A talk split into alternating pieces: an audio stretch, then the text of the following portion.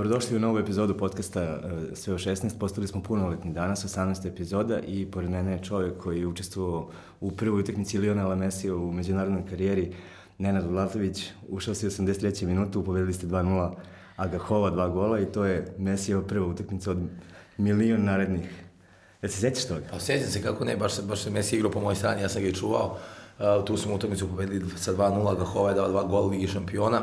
I jednostavno, kako ne, znači mi, mi smo tad već znali o Mesiju mnogo toga i Messi tad bio njihov, u tom trenutku već postao jedan od ozbiljnijih igrača, ali jednostavno kažem, utakmica kao svaka druga, jednostavno kad se bavite profesionalnim sportom i nemate strah ni od koga, tako da kažem, bilo je onako malo čudno čuvati Mesija, ali kažem u tom trenutku nije on imao tako ime kao sada, tako da kažem kad sam ušao u igru, bilo je, odigrao sam utakmicu onako kako je trener Lučeski očekivao od mene, smo primili gol, sačuvao sam ga i jednostavno pobedili i uzeli velika tri boda Ligi šampiona. A dobra te ekipa bila.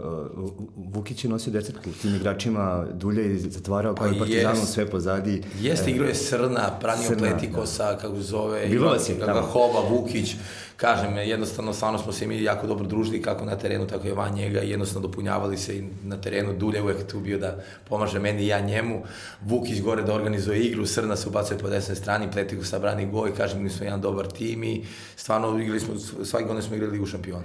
A e, zašto je Srna toliko uspešan bio i kao e, kapitan Hrvatske i kao kapitan dugo trajao i baš je bio poštovan na svojoj poziciji? Šta, šta je on radio u svojoj karijeri pa je, pa je postigao to? Pa dobro, Srna je jedan prvo izuzetan momak i vredan, disciplinovan, jednostavno posvećen, posvećen futbolu maksimalno, koliko se on posvetio futbolu, toliko mu futbol i vratio, ne kažem da je on sad posvećeniji od drugih igrača, ali jednostavno imao je to da, da, da, da ga i treneri vole, je bio dobro, dosta komunikativan, uh, imao je dobru komunikaciju uvijek sa predsjednik, sa predsjednikom kluba, uh, sa trenerom, tren, nako da kažemo, tren, bio je ljubimac uh, Lučeskova, jer jednostavno, ja mislim da, su, da, da sam najdošao u, u, u, u Šahtiru preko neke, nekih ljudi koji su uh, i doveli u Česko, tako da kažem, ali on je apsolutno to sve zaslužio, posle postoji kapiten i, i, i šaktera i reprezentacije, mi danas smo u jako dobrim odnosima i redovno se čujemo i ovom prilikom ga i pozdravim ako bude čitao i slušao ovaj intervju, jer sad stvarno jedan sjajan momak pred, koji ima jednu sjajnu karijeru i jednostavno ja bih poželeo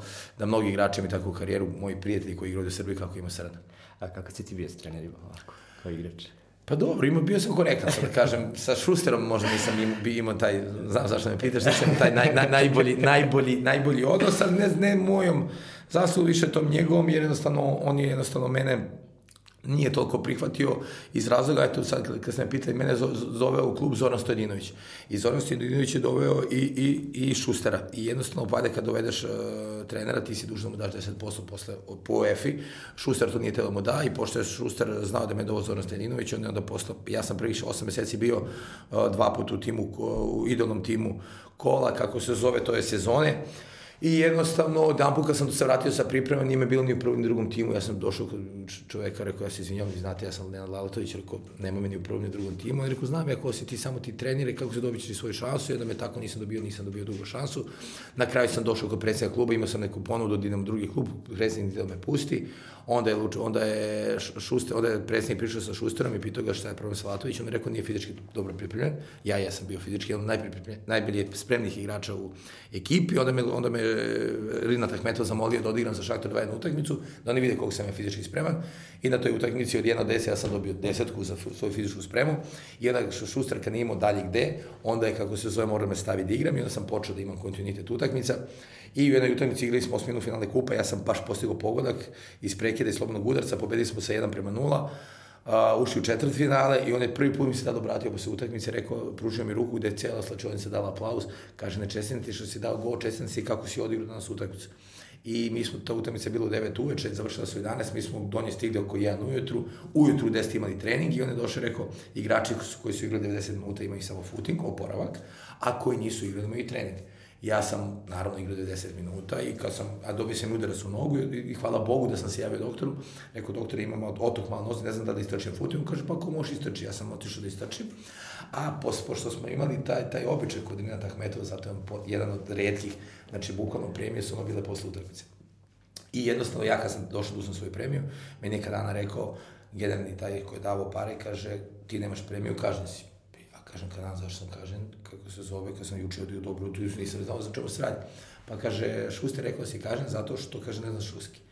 Pa ja kažem, Kanada, ja sad s ne pričam na kineskom, nego viš da pričam na ruskom, ja ovde pričam perfektno ruski. Kaže, da, ali, kaže, on je rekao da ne znaš, kaže, ovo pak je on šuster, kaže, i nama je sve to čudno, kaže, ali ja tebi ne mogu da dam premiju. Ja kažem, dobro, nema problema. Nije bitno. ajde. A koliko je premija? Pa bila mi je premija, tada, tada je bila premija 2000 dolara za tu utakmicu. I ja kažem, aj 2000 dolara, sad kažem, to je velika para, naravno, ali neću sad da kažem da dođem, imam ja tamo dobru platu, imali smo dobre jako premije, to je ta premija bila, znači imali smo i premije i po, da ne, mnogo, mnogo vi- više od toga. I, Ali nije se radilo o lovi, u suštini. nije se tu radilo lobby, ja nisam ni napravio, prvo, nikako me to uopšte taj novac nije ni zanimao. Rekao sam u redu, ako je on tako odlučio, ipak je on šuster, trener je, ja ću popričati s njim poslije da on shvati da ja znam ruski i nema veze. Ja sam otišao da odradim footing, istračao footing 20 minuta koji svi igrači i onda je on rekao, Sergej je rekao, koji je bio prevodilac, rekao na ruskom, kaže, ko je završio uh, footing i koji uče igru utakmicu, ide na masažu, a igrači koji nisu igrali imaju kondicioni trening. I na trenutku ja čeo lava, kad sam krenuo tamo, ja se okrenem, zove me Šuster, rekao, 100% me zove da mi da popriča sam, da vidi, da mi objasni šta se to desi, zašto me kazi. I ja prilazim i Sergej mi kaže kao, moraš da ideš na trening. Pa ja kažem, Sergej, kako da imam trening, sad je kondicioni trening, ja sam juče igrao 10 minuta, mister, Da. ali mister, rekao, oni, mi su ga zvali mister, mister rekao kako se zove da mi igrači koji su igrali imaju oporavak, kako da istrenam taj trening, umoran sam. Pa kažem, rekao da moraš. Pa ja kažem sada, ja sad ako razmišljam, neko neću da se svađam, rekao, ja bi, ali ja mu pokažem nogu, stvarno sam imao veliko se okotio na kolenu, ja kažem, ne mogu, ne mogu da hodam, rekao, jedva sam istočio footing. Evo možete da pitate, rekao, doktor Artura, Artur mi je rekao da čak i ne istrčim, ako mogu, ja sam istočio na svoju inicijativu. On je onda meni rekao kako se zove, on prevede to šusteru, a ja kažem, onda se ja sam malo, ono, moj taj temperament, ja kažem, i samo mu reci, pošto sad pričao samo ti na ruski, da on ne zna ruski, da ja znam ruski. I da on sad me je mene kaznio, što ne znam ruski, ali ovo nije da ja neću da trenam zbog toga, nego jednostavno kada zbog noge. I kaže on, Jesi, kaže, jesi ga čačno tu malo za platu bio? pa jeste, i kako se zove, i onda je on rekao meni, kaže, kakve ste vi Srbi, kaže, mali narod, kaže, kaže, tebe boli 2000 dolara. Ja ga ako pogledam, ja kažem, vi ste pogrešni, mi Srbi smo veliki narod i mene ne boli 2000 dolara, i meni 2000 dolara, naravno ja ga slažem, ne, ne, ne znači ništa u životu, jer ja ovdje imam mnogo veću platu od tebe. A u stvari imam najveću platu, ali sad sam ja njemu to tako rekao. Dobro, Čačko je tamo ne Da, da, i... i onda je on meni opet rekao, kao trening, i ja sam rekao, trauma, očin bolna, znaš, da ne pričam sad ruski, rekao, ne mogu.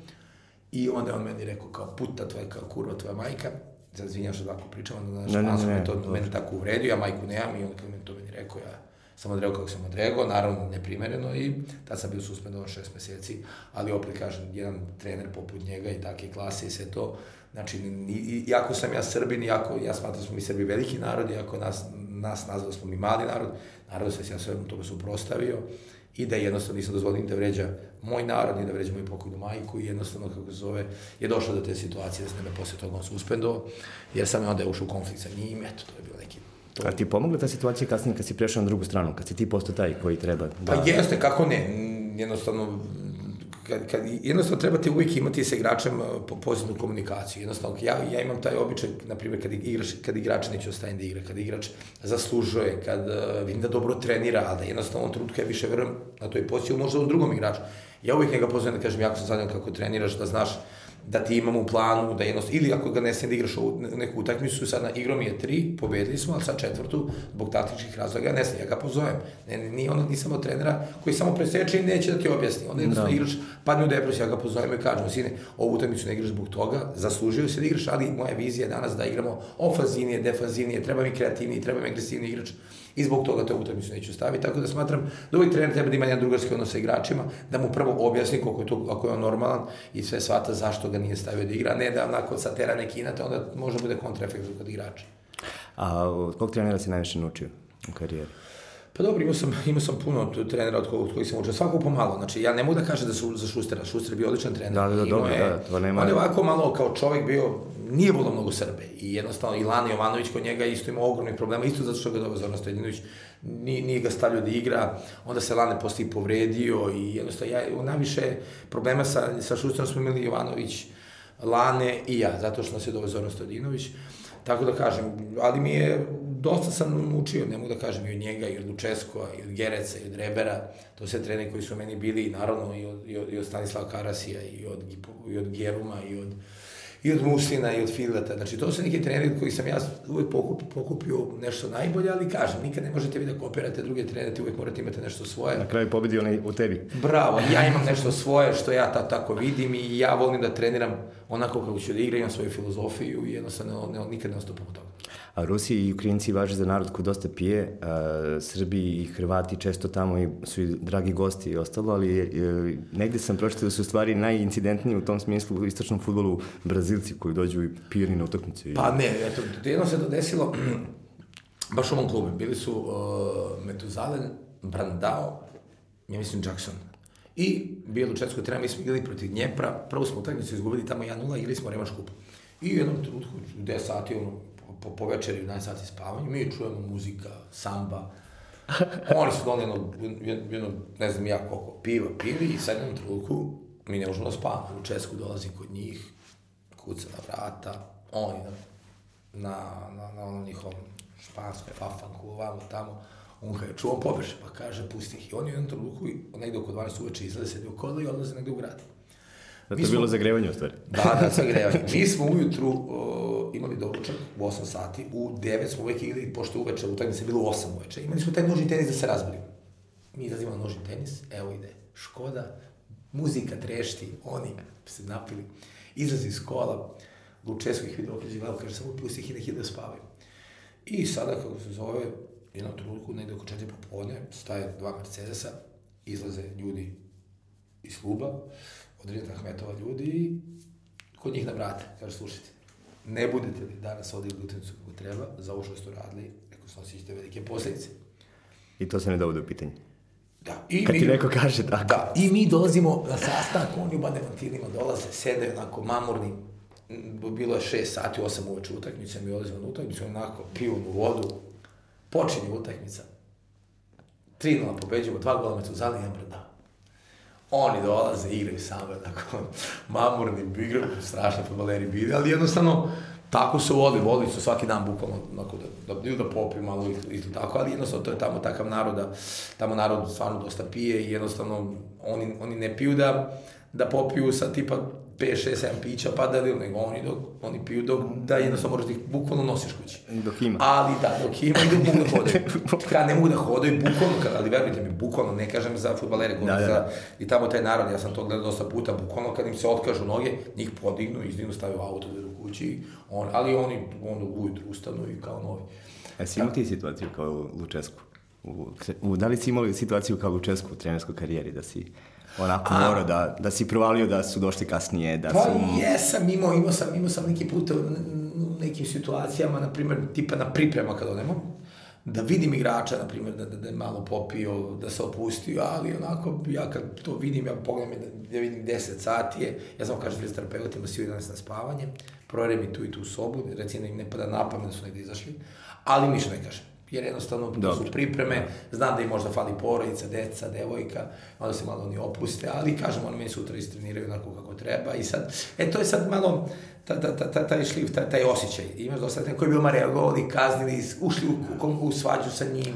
Da, da, ti da, da, vidiš, ovdje sezona cela. Bravo, ti ga vidiš, znaš, da, i da nije bitan igrač, da je bitan igrač, ja ništa ne dobijem snima koji on popio par pića, ako ga je malo, ja vidim, je uhvatilo, ali meni je bitno da ne danas u krevetu, nije bitno, oni imaju, imaju su slobodno 8 do 11, a 3 sata, ako njemu znači da popije par pića, ja mu neću to, ne, prvo neću, neću da uzim s njim u svađu, druga stvar neću ga kažnjavati, ako mu se to dešava često i ako vidim da ne trena na nivou na kojem ja tražim od njega, onda, će, onda ću ga kasu usmedovati kazniti, ovako ne, progledam kroz prste, okrenem se, pravim da ne vidim. Dobro, to su te stvari, prednosti ono ko je bio sa obe strane i kao igrač Jeste, pa to, to, to, je dosta bitno, taj osjećaj. I jednostavno, stvari biti dobar trener, biti dobar psiholog i imati taj neki osjećaj. Da imaš urođeno to. Ja jednostavno, meni je Bog podario stvarno da budem taj neki dobar psiholog, imam taj neki osjećaj u sebi, da znam kad treba da reagujem, da znam kad ne treba da reagujem. Govorim neki put. Znaš za druge, ne za sebe. Da, neki put, neki put je odreagujem kako ne treba, ali ja sam, ja obično odreagujem kad je nepravda u pitanju. Ja ovako, inače, ja ne dam da me nikad niko dira, jer ja stvarno nikad nikog ne diram. Ja nikad prvi nikog ne vređam i uvek gledam samo sebe, gledam svoju porodicu i ja sam zadovoljan svojim životom, meni je bitno da budu zadovoljni moji roditelji sa mnom, stvari moj otac, moj brat, moji prijatelji, ostali me stvarno, mene ostalo, drugi me stvarno ne zanimaju, niti se ja mešam drugim u život, niti me tuđi život zanima, niti, meni je stvarno, ja sam tako vas vidio da stvarno svakom želim dobro I svakom želim da uspe u životu. I onda prosto me je krivo kad vidim da neku zavis, neku pakost, da vidiš kad neko malo uspešan, ti kažeš, e, on je ovako jednak. A da je najgori, ti bi rekao, šteta za njega. Znaš kakav je bi to se bio, šteta što nije uspeo.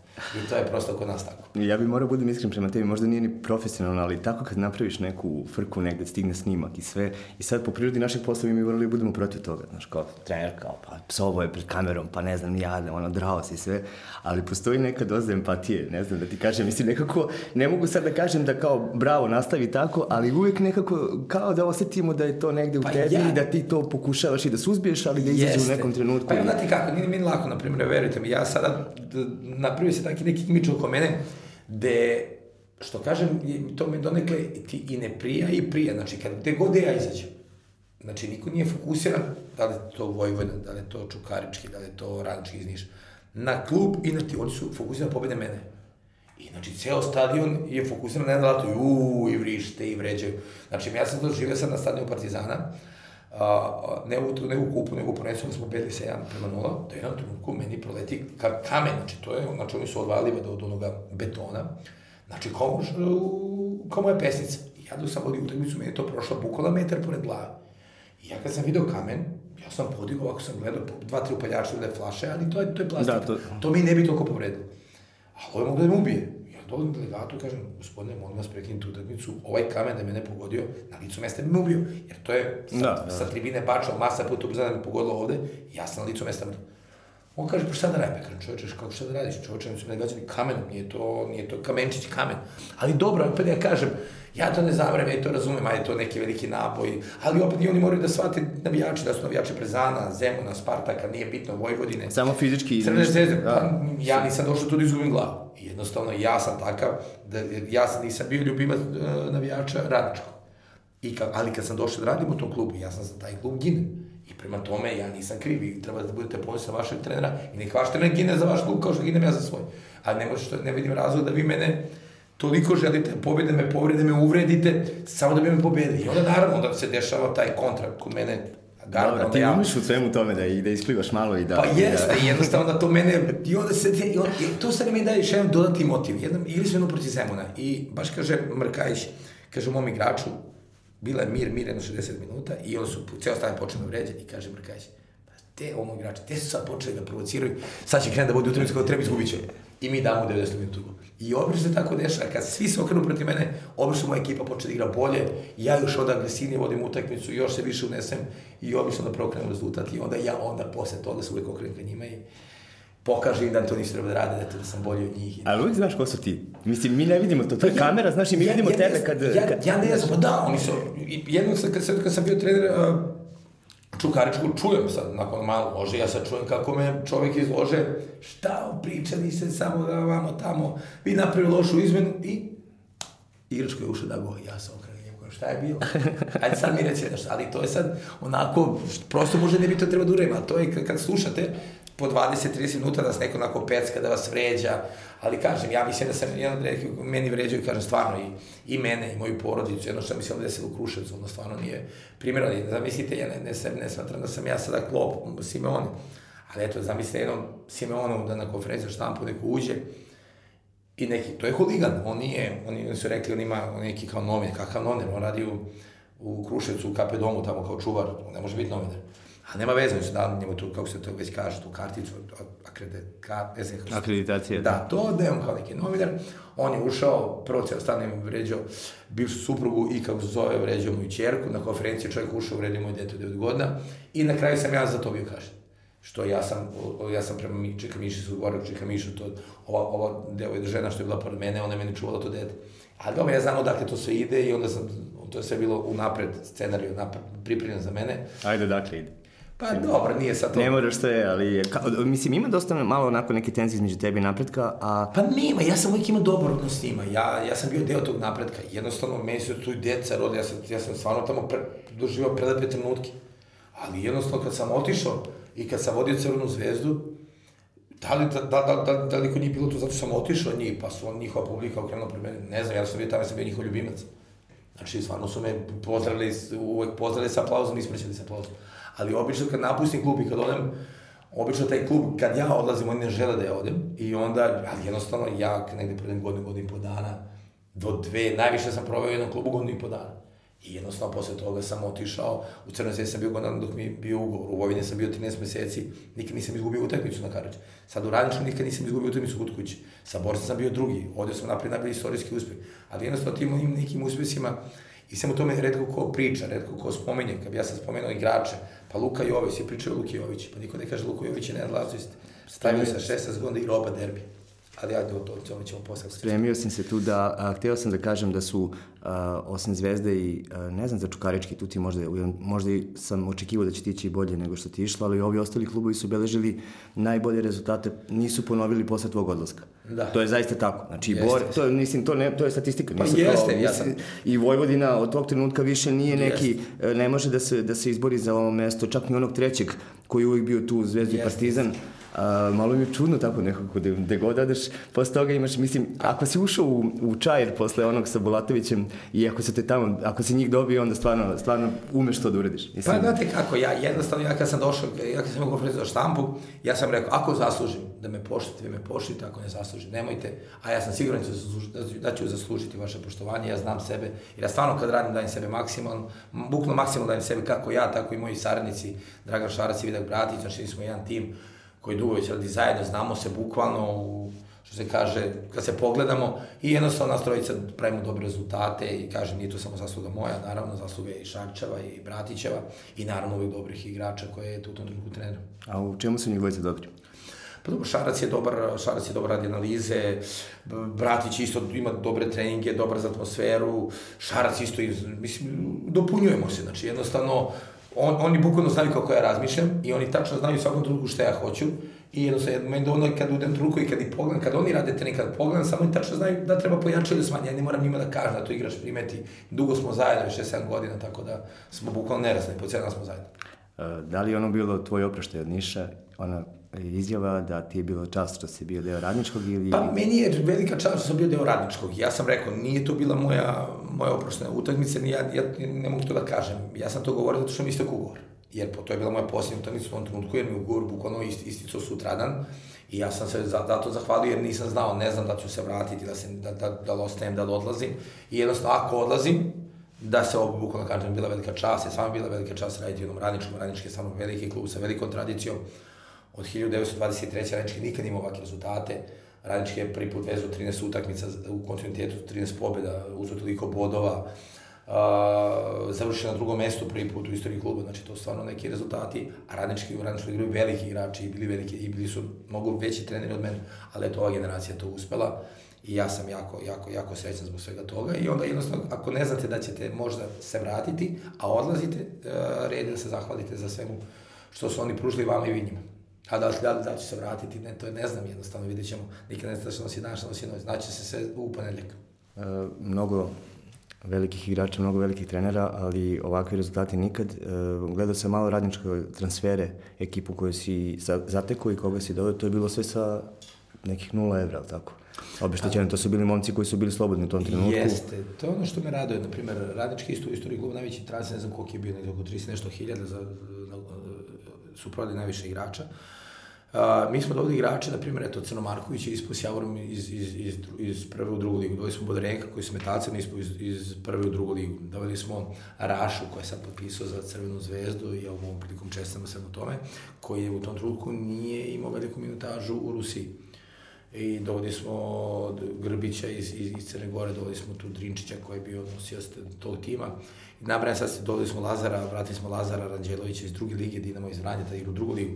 I kaže, na svim tim igračima, sa tim, sakim, sa tim igračima koji imaju fenomenalan potencijal, mi smo se uklopili, jednostavno ja sam njih poznavao, sa, u dogovoru sa direktorom Martom Ivanovićem, mi smo želeli te igrače i jednostavno ja sam od gazde kluba koji moji su ovom prilikom mora da pohvalim, da kažem da stvarno jedan od redkih ljudi s kojima sam radio da toliko voli grad Niš i da voli, toliko voli futbolski klub radnički. Jednostavno, i meni je kao treneru bilo mnogo lako da radim uz njega, zašto? Jer jednostavno plaćao je sve na vreme, jednostavno igrači imaju redovne stanarine, imaju su redovnu ishranu, imaju su redovne kad on da premiju, kad ti obeća premiju, daje redovne plate. I onda jednostavno igrač onda zadovoljno, da njega stvarno možda da tražiš i, i izlačiš kako se zove maksimum. A što se tiče transfera, da, evo sad Lazar Đelović je otpisao 550.000 u Olimpijakos, sad je Raša potpisao za 300.000 u u crvenu, potpisao za crvenu zvezdu, mislim, obeštećenje priča sve do Beraničke. Imamo sad za Haskića 400-500 Znači, to je već negdje skoro milion, milion i pa euro. Znači, milion 300, milion 500, ne znam ja tačno koliko je, kažem što je stvarno nikad u istoj Radnički nije, nije napravio takve transfere. Tako da kažem, i to me sve raduje. I još on ponude za neke igrače. I kažem, ali je, i, ja stvarno da god sam radio i u Čukaričkom, Čukarički je sa mnom dok sam bio trener, zaradio negdje oko 4 miliona evra. Uh, Vojvodina u to vreme negdje oko 2, dok sam ja bio trener za 13 meseci, malo više. Od čega će prodati milion i 800, uh, Rossi za 500, oko 3 miliona, sad oni miliona i kažem opet, gde god sam bio, e, gde god sam radio, klubovi su jako dobro profitirali finansijski. I jednostavno pravili smo te igrače i onda su oni posle prodavali, bili stabilni, su morali da troše iz svog budžeta grada, nego su živjeli bukvalno iz svoje kase. Tamo gde si radio nije uvijek bilo para. A sad se ja malo vraćam nazad, preleteli smo preko tog čačka. Možda se setiš kako to izgledalo? Mislim, ti si pokušao tu i ono... Pa ja sam se proti... borio, ja sam se stvarno borio za te igrače tamo i jednostavno, verujte mi, uopšte nije bilo lako uh, da, da čovek ode u tad u čačak. Ja sam tad bio trener Crvene zvezde. I posle Crvene zvezde isteko mi je ugovor. Bio sam na moru u Crnoj Gori u Splenidu sa porodicom i tad su me zvali iz Čačka. Ja kažem, znaš šta ne, ne ti moraš nastaviti da radiš, imaš te 36 godina, rekao sad, bio je trener Crne zvezde u redu. Ja sam onda rekao, to bi bilo kao u Španiji, si bio trener Real Madrida, pa te traži Sevilla, tad bi išao u Sevilla, pa išao bi, pošto ne bi išao u Borac i Čačka. Ovo je sad Srbija, ja sam u Srbiji, nisam da, da, da, da, da. Jednostavno, Borac Čačak isto veliki klub s velikom tradicijom. Ja sam tada pozvao Slobu Idića i rekao, slušaj, hoću da dođem kod tebe, ali hoću da mi dovedeš tih pet igrača. On je kaže, pa čekaj, njih ne poznaje, ne znam jedno, ko su ti igrači. Pa ja kažem, to su igrači koji ja trenirao iz proletera, iz druge lige su, sve su drugoligaški igrači i sve ti dovodim za platu 500 evra. On je kaže, on meni kaže, ti sigurno si možeš napraviti zlutat? Ja kažem, ja rizikujem, dolazim posle zvezde, ali ti si posljednji na tabeli. Odlazi mi Ožegović, Krunić, um, Maslac, znači, ostaje bez ičega tamo. Ja kažem, ja sad želim da pokažem svima, u stvari, koliko ja vredim i koliko mogu. Dolazim u klub koji nema dinara, koji je to trenutku finansijski najnestabilniji, i ja odlazim tamo, dovodim tih pet igrača i ja volim tada čuka, čukarički, Boras i Čačka, 17 ili 18 kola i drugi sam na tabeli. Crna zvezda je prva, ja sam drugi. I kažem, to je opet, i nikad o tome niko ništa nije toliko spektakularno pričao u Srbiji, nego ajde, okej. Okay. Da je to bilo koji drugi trener napisao, njemu se pisao cool igrat. Ali pošto sam to ja, to je tako dobro, to kao, imao je sreće. Pa imao sam sreće tu, pa sam imao sreće u Vojni, pa sad imam sreće u Nišu, pa imao, ja svugde imam sreće. Ali jednostavno, ja sam kao i povukao crtu koje sam ja igrače se izbacio i, koliko, i gde su sad ti svi igrači, o tome se isto malo priča, ne želim ja o tome pričam, ja želim da to neki novinar sam izvedi i kaže, ne Lazio trenirao te, te, te, te, te, te, te igrače, gde su bili pre njega, gde su sad. Dobro, evo, sad ću da ponovo kažem nešto iskreno, ovo nisam rekao ni, ni roditeljima. Uh, u Zvezdi su mi zamerili jednom kad sam napisao za klince Jovića, Ristića, Grujića i uh, Lalatovićeve bebe. Pa znate kako? Ti si pro, otišao bio, ima da. si 1 plus 2, Zvezda nije iskoristila. Možeš se setiš kako to izgleda? Pa evo sad ćemo taj razgovor. Uh, zašto je to tako možda bilo? Ja sam opet rekao, ja Crvenu zvezdu je, volim i ja, ja to ne krijem. I jednostavno, znate kako, ja sam tu ponikao, ja sve što sam stekao u životu, stekao sam zbog, zbog Crvene zvezde. Ali kažem, kad igram protiv Crvene zvezde, ja nikad ne bi Crvenu zvezdu pustio. Znači, ja stvarno tad daje svoj maksimum. Jednostavno, Crvena zvezda, posle mog je stvarno dovela jako kvalitetni igrači, jako skupe igrači, teško da, da se uprostiš tako i Crnoj zvezdi. Jednostavno, moj temperament je takav, zašto je to bilo, zašto zameri to Latović i Bebe, zato što je bila jedna, jedna, jedna situacija gde su oni mi došli i rekli, slušaj, prvi put su mi tad došli, da ne imenujem sad, i rekli, ovakav sastav bi trebao da izgleda sutra. Ja sam uzao onaj papir i pogledao, ja kažem, da li želite da mi izgubimo u tom sutra da pobedimo, ja ne razumem. Pa kaže, nas ne zanima, mi nemamo šansa titulu, ovi igrači moraju da igraju. Ja sam ovako njima rekao, slušajte, ja hoću da njih da stavim, a rekli su mi da kad taj Lazović tu su da igra. Ja sam rekao, Lazović je kapitan, kad taj Norgo igra sjajno, no. Da, da. kako ja da njih sad ne stavim? Izađite vi javno i recite, kad taj još nije naš igrač, Lazović odlazi, ovi igrači moraju i ja ću ih staviti. A ne ja da stavim, a da se vi krijete iza mene. On će to tako mora da bude i nema mi što ovo sad priča. Ja sam rekao, tako, tako, tako. Ja pogledam papir, ja ga iscedam, Sve oni igrači koji su rekli, ja sam nijednog nisam stavio 18. Ja sam tu utakmicu dobio 3 Od tog trenutka više mi se nikad niko nije obratio Crvenoj zvezdi. Buk nije, nisu te sam da pričaju, jer nisam bio poslušan. Kad sam odlazio iz Crvene zvezde, Ja sam to i jednom rekao i naravno, da, da, da od, odlazio sam da mi niko da nije došao da mi pruži ruku. Da niko nije došao kaže, ne, hvala ti za ovo što si uradio, za naš klub, došao si kad nije bilo struje, gurno si zvezdinu decu, gurno si ovo, gurno si ovo. Pa ne može se kaže da... da, da Došao si kad je Zvezda izbačena iz Evrope. Iz Evrope, nije bilo struje. Ostao si bez Mrđe, Pečnika, bez, Milijaša, Nikolića. Bez, bez ono, Daude, bez... Ma bez mnogih, oni, I on je, ma mnogi igrači su otišli. 42 igrača su otišli. Bravo. I ja sad dođem, kako se zove, situaciju tu da, uh, da, da tu zvezdu decu, pa ne mogu da kažem, Rajković, kad sam došao, nije branio sekunde u Crnoj zvezdi. Ja sam ga stavio da branim nego Crnoj zvezdi, imao sam Kahrima koji je bio tada armist, ja sam riziko stavio sa Rajković. Luka Jović je imao još pravo da igra za kadete. Luka Jović je kod mene odigrao dva derbija, bio standardan igrač kad sam ja otišao, Luka Jović je izgubio mesto standardnog igrača. Ristić je kod mene igrao vezno, kad sam igrao vezno igrača i mnogi klubi su bili in, in, in, da se interesuje za njega. Grujić i Jovanović su igrali manje. Vratio si ih sa, sa Kolub, iz Kolubare. Da, Grujić. da, da, da. I jednostavno, Grujić i Jovanović su igrali manje kod mene. Jer u tom, ali sam ja imam, to možda pita Gruća, kad smo pričali, imao je manju minutažu, ali ja sam jedno pozvao kancelariju kod mene, kažem, Grujo, ti u ovom trenutku nam je prioritet to igrač i zato igra sad manje. Ja u tebe vidim u budućnosti godinu, dve dana, da ćeš možda igrati u Chelsea. To je moja vizija, ali u ovom trenutku, da sam ja ostao trener i odletao bi bio kod mene standardni igrač. Jer ja sam njih polako uvodio. Ja sam tada rekao, ljudi, ja sad radim nešto da vi ne bi izgubili ove igrače. Da nisam stavio Luku Jovića, Ristića, Rajkovića, Grujića, Vandića manje nego ovu trojicu. Oni bi svi tužili klub, jer tada nisu bile redne plate i otišli. Ali ja sam im davao nadu, ali iskreno nadu da ja na njih računam i da klub na njih računa. I onda jednostavno oni su bili zadovoljni i ostali u Crnoj zvezdi. A na kraju bi onda, da ja to nisam radio, oni bi tužili zvezdu, oni bi otišli i danas bi zvezda njih plaćala 500, 1000, 300 svoju decu da ih vrate. Ko su plaćao braću Srdić, koji će se ostati. U kalendarskoj godini prije nego što si došao u 2013. je 13 igrača Zvezde otišlo na, ras, na raskid ugovora na arbitražnoj komisiji da. na štetu kluba. Sve to znam, ali nažalost to drugi, ne, ne, i oni drugi zajedno neće da priče. I onda, I onda ih je bolao kad neko kaže nešto za Luku Jovića danas, ali ja danas ne, ne, ne, nisam pročito, nego ni kažu Falcao. Pa tog Falcao je stavio Nenad Lalatović. Zbog tog Falcao uh, nisam pobedio ni u Novom pazaru, nemam promašnika, a što mi i dalje stavlja da igra. Protiv Rada u kupu, da imao ti tveti, a sam ja to dete verao. Nije verao nek, ni neki Falcao, ni neki, nego ja. Jer on je, i ja, ja sam, na primjer, da on mi je dao go u pazaru, ja bih prišao prezaostao pa, sa, sa, sa Partizanu na dva boda bi igrao derbi.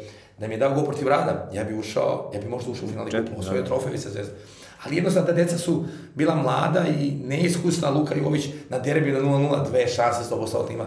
On bi sad to dao, ali u tom trenutku 16 nije mogao da. Ali ja sam ga i naselio, opet posle toga stavio. Jel ti puno srce kad gledaš danas? Pa kako nije, jednostavno ja sa Lukom stvarno, ja, evo, ja se sad ja Luku jako cijenim, poštojem i on mene isto i njegova porodica i stvarno, od Luki Jović misli sve najbolje i mislim da je opet sazreo kao igrač i ja sam znao da će doći njegovi 5 minuta jer on uvijek ima taj oće za gol. Jednostavno ima fenomenalna kreta, jak na lopti, stabilan u 16 metara, ono što kažem, kao mačka, reaguje. I jednostavno danas je tu da jese, ne zahvaljujući meni, nego zahvaljujući naravno njegovim kvalitetima i naravno čoveku koji ga je preporodio, uh, Niki Kovaču.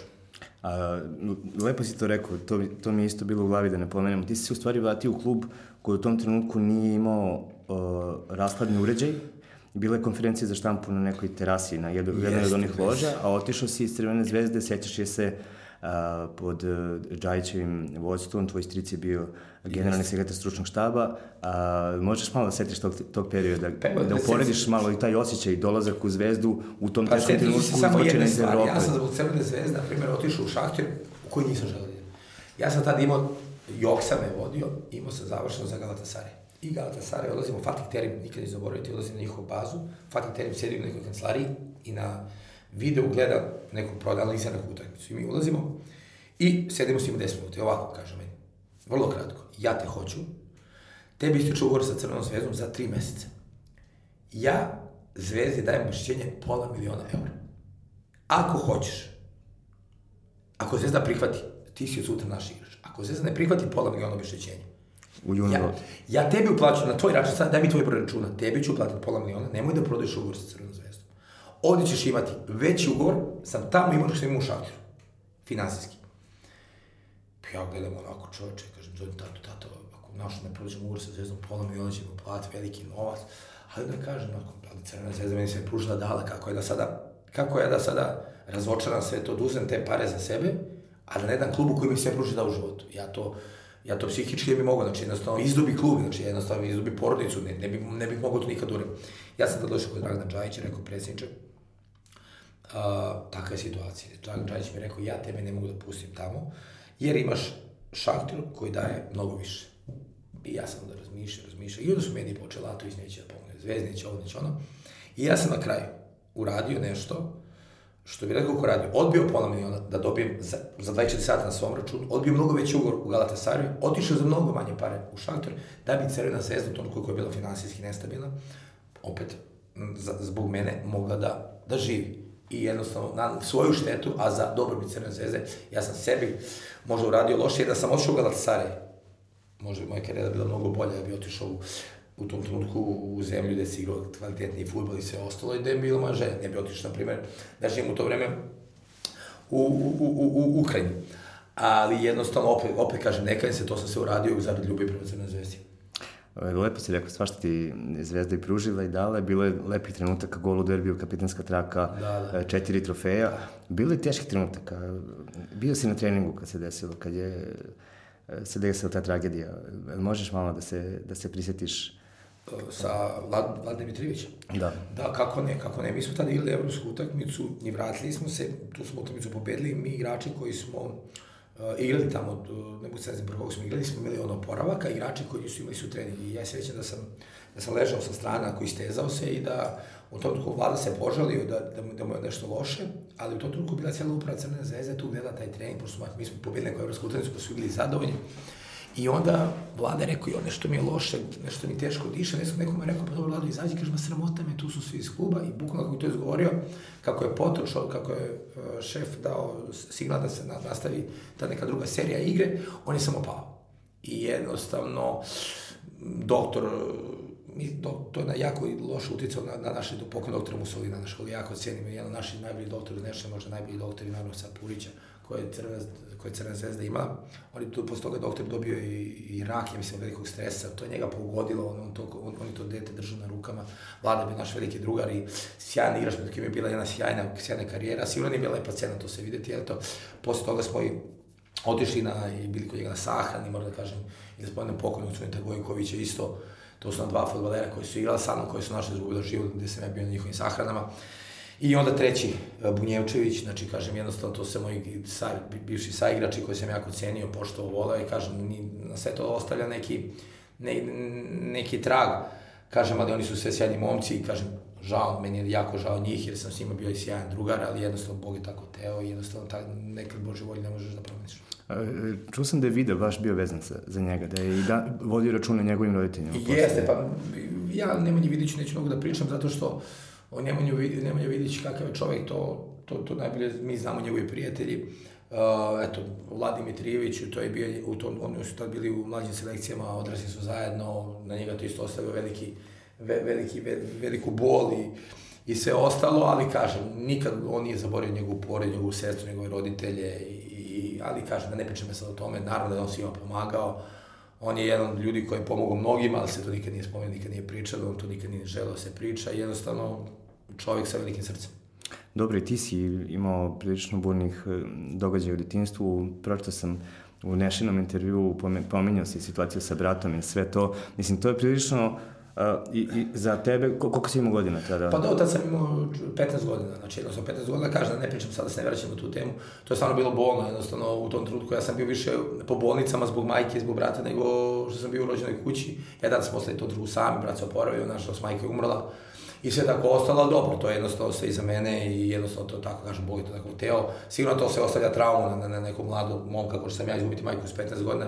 Mene majka umrla od raka kostiju, znači bukvalno ja sam je i kupao i preslačio i kad je išao da vrši nuždu kad nije mogla, ja sam morao da je okupam i sve ostalo. I to samo ja znam kako šta sam ja prošao sve u životu, da kažem da pričam sad o takvim nekim stvarima, mislim da je suludo, znam da je bila jedna sjajna žena, bila je doktorka, svi smo je poštovali, voleli i jednostavno ja znam da i ona sad kad mene ovako ljudi napadaju i kad jednostavno, i kad, kad su mnogi misli da ću, eto, posle zvezde, kad sam osjećao da ću opoginem, da ću da završim sa trenerskom karijerom, i kad su i protiv mene, ja znam da me ona gore negde čuva i da mi daje tu snagu i dobre rezultate koje imam, imam zbog nje.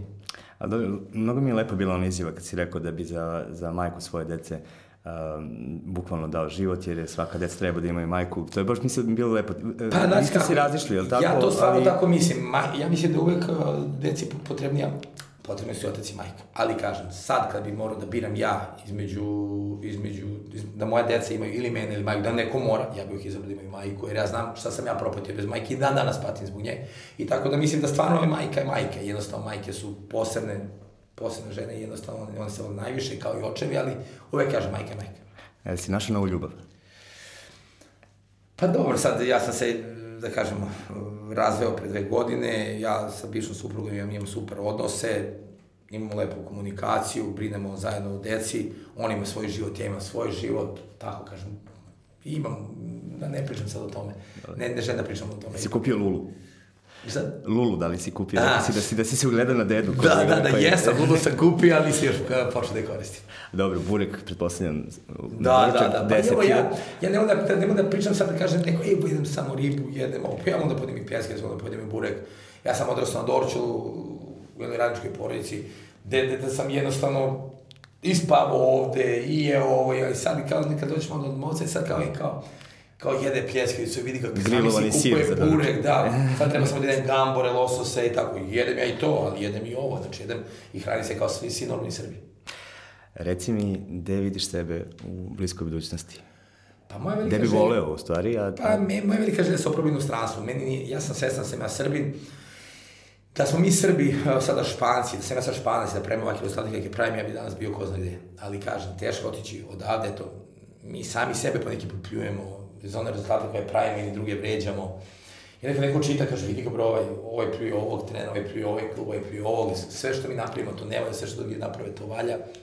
Tako da kažem, moja, vidim sebe jednog dana u inostranstvu i, i sigurno sam da ću napraviti jednog dana u inostranstvu gde god odem, da ću napraviti dobre rezultate i jednostavno verujem u sebe i moja želja da se oprobam u inostranstvu, da radim već 10-11 godina, mislim da sam se ovde dokazao, sam igrača koji sam izbacio rezultate koje sam postigao, kažem, uh, bih voleo da dobijem šansu da radim u inostranstvu, da kad ću dobiti, sigurno ću dobiti u budućnosti, kad ne znam, ali kažem, nikad, nikad se ne zna, ja bih voleo da dobijem što pre, ali kažem, i ako ne dobijem, nema ništa protiv toga da ostajem u Super ligi, jer naša liga je stvarno kvalitetna, ovaj si se takmičenje mi se sviđa, Kažem, zašto? Jer uvijek sve je neizvjesno. I kad si gore, posle tri dan, posle kad se posle bude možeš budeš dole. Znači, uvijek moraš da si u nekoj dobroj formi.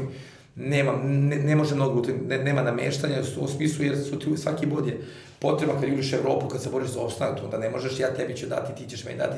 Jako vidim mnogo priče o tome, toga nema. Jednostavno, ovo je, ova, o, o, o, ova podla i ovaj play-off, play-out, play-out, o, o, ovaj sistem takmičenja je po meni dobar, baš zbog toga da bi se igrao pošten futbol. Pa dobro, ja da ti kažem ovako, mi iz Beograda nas je tu u šestoj sedmoj redakciji, imamo, pri, nema nas dovoljno da idemo na stadion širom Srbije, imaš dva prenosa e, nedeljno Partizan i Zvezdu i u, na ostalim utakmicama snimke na YouTube kanalu i onda vidiš neki penal koji je bio, ali ti ne možeš da prosudiš na osnovu minut i po isečenih nekih detalja, Bravo. kakav je kontekst cele utakmice, da li je sudija sve vreme ja bilo, sada, imamo... ja, ja, ja kažem, obično, ja za sudije nisam, ja, ja, ja uvijek sam bio protiv sudija, ali ja moram jednu stvar da kažem, ja da budem sad iskren. Mi imamo dobre kvalitetne sudije, a nije ušte, mi prvo nemamo ni taj VAR sistem. Mi nemamo, kako se zove, mno- mnoge stvari. A, dosta puta kad ja gledam, kad mi analiziramo našu utakmicu i sad, ja, mi gledamo po 10 puta i ne možemo da vidimo da li je bio penal, da li je bio offset. A on u deli, de, deliću sekunde, svaki naš sudija u Srbiji mora da reaguje bez greške. I naše sudije kad pogreše, oni su najgori, a druge sudije po Evropi kad greše, samo sudije koje su pravili greške, ja mislim da je bio uh, uh, Marseille, ne znam s kim je igrao, uh, evropska je utakmica bila. To su skandalozne greške. O tome se nikad nisam nigde pročito što pisalo da će oni kažnjavati, a naše sudije, naše, našu ligu, naše klube, mi sami sebe kažem, mi sami sebe kritikujemo, a nije to, tek, nije to tako to loše. Jednostavno, verujte mi, znači, dosta, ja sad moram biti iskren i meni zasmeta kad pogreši na, na moj račun da ja neki put volim da kritikujem, ali sad, sad kažem, ajde, završena je sezona i sad smo na odmoru i pričamo iskreno. Imamo do, kvalitetne i dobre sudije, ja ih samo srednjim poštujem i stvarno teško je doneti u nekim situacijama da li je bio penal, da li je bio offset. Oni imaju sekundu, a ja imam pet minuta i nisam siguran. I usporeni snimak i četiri usporeni kamere. snimak i ne znam da je bio penal. Zamisli kako je njima teško. Ovo iskustvo sad e, već desete godine radiš kao trener, prilično rano si završio karijeru, to me isto zanima zašto, ali pitaću te e, samo za jednu, jed, jednu utakmicu koja je m, velikom broju mojih prijatelja bila, ne znam, u tom trenutku jako bitna, to je Leverkusen i priprema uh, utakmice gde se Muslin odlučio za Spalevića umesto za Pjan, uh, Pjanovića. Uh, ovako sa ove distance, ko je tu bio pravo? Pa znate kako, ajde sad, ja sam sad trener. Zato ti pitam. I uvek je, uvek je trener upravo. I zato ne mogu sad da pričam ništa drugo. Mihajlo Pjanović je Mihajlo Pjanović. Mihajlo Pjanović je za mene zvezda zvezda, ja sam uvek, ej, Pjano. Ja uvek, kad sam ti... ja kad se, ja, mi se čujemo često, ja uvek, moje prva, njegove rečenice ka Pjano, gde si Mihajlo zvezdina zvezda? I on se se, gde si trale, šta radiš? I onda mi tako pričao, naravno da Pjanović je tu pomenuto, mi su dobro počne. Mihajlo Pjanović je bio prvi strelac, Spalić tek došao, iako je Spalić imao fenomenalna kretanja, Slavlje Musin je teo možda igrača koji se traži prostor, dubinu, da proba da igramo polu kontru kontru, pjana je igrač koji traži loptu u noge, koji je razigrao tim, koji ima fenomenalnu realizaciju. I jednostavno tako bitno i utakmici, mislim ipak da je Pjanović treba da dobije šansu. Naravno je Pjanović nezamenljivi i on najbih špic igrača u istoriji Crvene zvezde. Jedan je posljednjih igrača koji je dobio pesmu navijača svoj. E, Pjano Mislim da je prošlo 15-20 godina da, da nije, da nije da, nikom da. ono... Da, da, a Pjana je to zaslužio. Pjana je jedan fenomenalan igrač, dao mnogo golova, kvalitetnih, mnogo bodova mnogo radosti je dovo navijačima Crvene zvezde, mnogo trofeja i svega ostalog i kažem, takav jedan igrač kao što je Mihajlo Pjanović, apsolutno po meni, ja govorim tad kao igrač se gledam, je zaslužio mesto da počnem, apsolutno.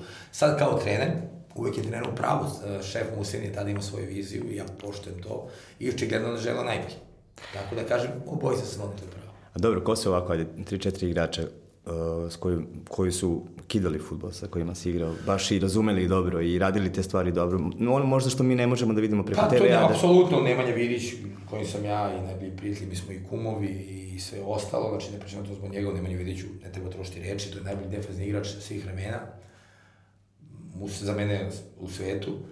A, sigurno Mihajlo Pjanović koji je, koji, koji, koji je bio izvrstan strelac, Goran Drulić, Goran Drulić da se nije operis, da nije imao povredu ligamenata, dva puta operesu, sigurno bio jedan od najboljih špic, igra, špic, špic igrača u Evropi, takih igrača kao Goran Dudić je isto bilo jako, jako malo.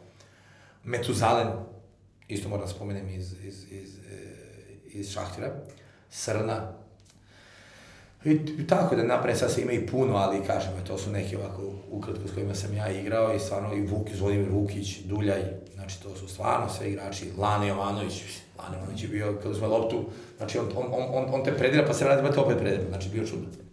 A koliko je tu važno samopouzdanje? Nekako, kad gledamo Laneta i Krasu kod uh, Radomira Antića i posle toga kad su prešli u Juventus i Liverpool, to nisu isti igrači. Oni jednostavno ne, su otišli pa, tamo da nisu imali tu vrstu podrške. Bravo, Sad, koliko ja, je to bitno u stvari? Najbitnije da... imati samopouzdanje, da veruješ u sebe, da imaš trenera koji veruje u tebe, da imaš klub koji veruje u tebe, da imaš navijače koji veruje u tebe i onda ti iz jedne, druge, treće utakmice kad ti to proguraš, kad daš, namestiš go, a vidiš da imaš poverenje selektora, trenera, navijača, onda ti dobiješ na samopouzdanju i onda igraš sve bolje i bolje. Samopouzdanje je najbitnija stvar.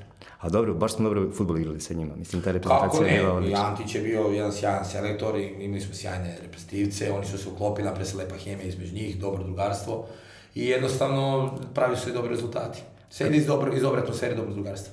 Kako to bilo u Zvezdi? Ovaj, kako ste bili ekipa?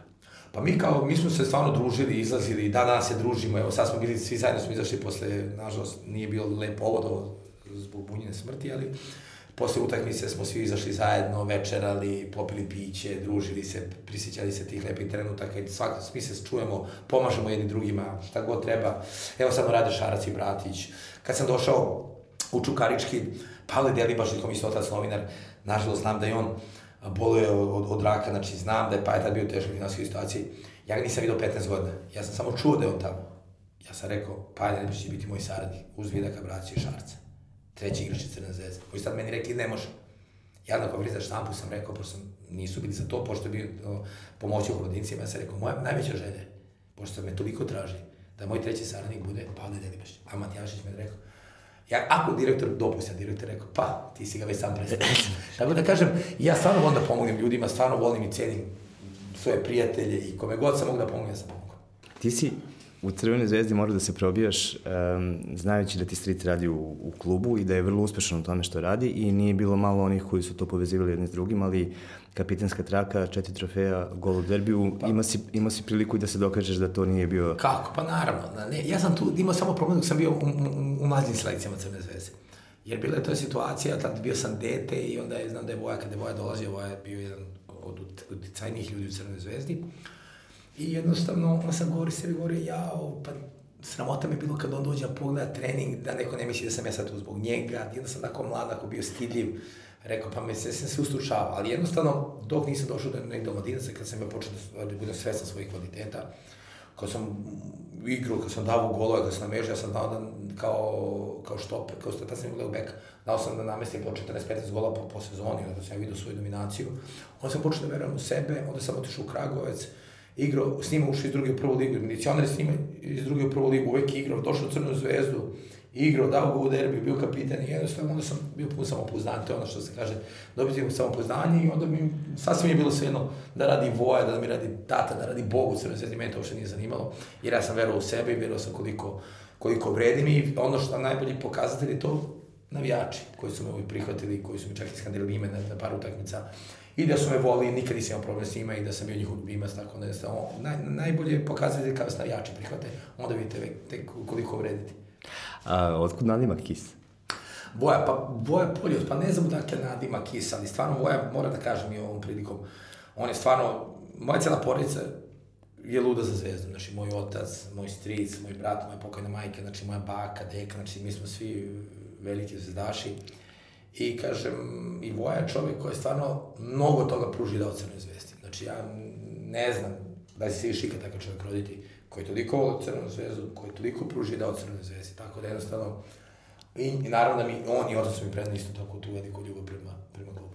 Ja sam eto čuo, to se ne mogu direktnije sagovornika da ne znam da pitam, da je Voja Kisus pevao da ukrade gotove partizanove igrače, da je jedan od njih bio Siniša Mihajlović, jedan Darko Kovačević. Pa Darko Kovačević... Slušao priče o tome, jesam, to je to mit ili... Jesam, slušao, to su istinite priče. Belodenić, znači jednostavno, da nije bilo boje, on je bi bio u Crnoj zvezdi. Znači, Crna zvezda, navijač Crne zvezde, što su oni završili u Crvenoj zvezdi, takvi, takva velika imena, treba da zahvalni boji, jer to je samo mogu da.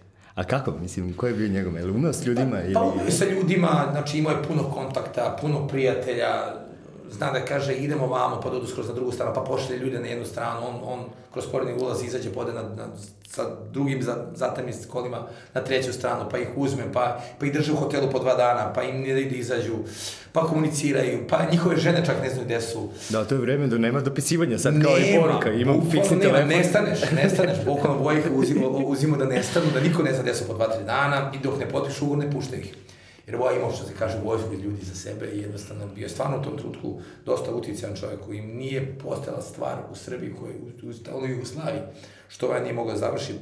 Nikad nisu oboriti uh, reči pokojnog Željka Ražnatovića Arkana, kog sam ja isto lično poznava i jak mene Voja uvek vodio kod njega u, postičarnicu Ari, gde jednom, gde jednom Arkan rekao, kaže, kad smo ja i moj striz dolazili, Arkan, Arkan ustaje i poljubi sa vojom i kaže, ovaj čovjek kad teo da bude najbogatiji Jugoslav bi to bio. Nego je blesav i lud što to neće. Znači, on što može da završi, ne može niko.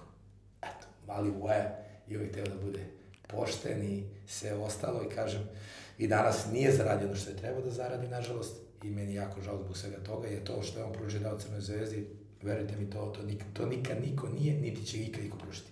Pa ako ništa više, taj igrač je dao i onaj slavu, udarati slavnog gola. Da. Slobodnog udarca, pardon. Jeste, jeste. Ove, protiv Bajerna, eto, tu Bayerna, ako jeste. ništa više, pa, samo ta, eto, to pa je dobro. Moram to kaži, nešto da moj stri, to je stvarno tako i to svaki navijač Crvene zvezde zna. Hvala ti što si bio, baš ovako, proletilo mi ovo vreme, ne znam pa, koliko smo se... I meni isto, i meni isto. Dođi opet i srećno u sledećem hvala izboru. Hvala vam, hvala vam što ste me zvali. Okay. Sledeći ponedeljak, novi gost, da sada uživajte sa Nenadom Maletićem. Hvala.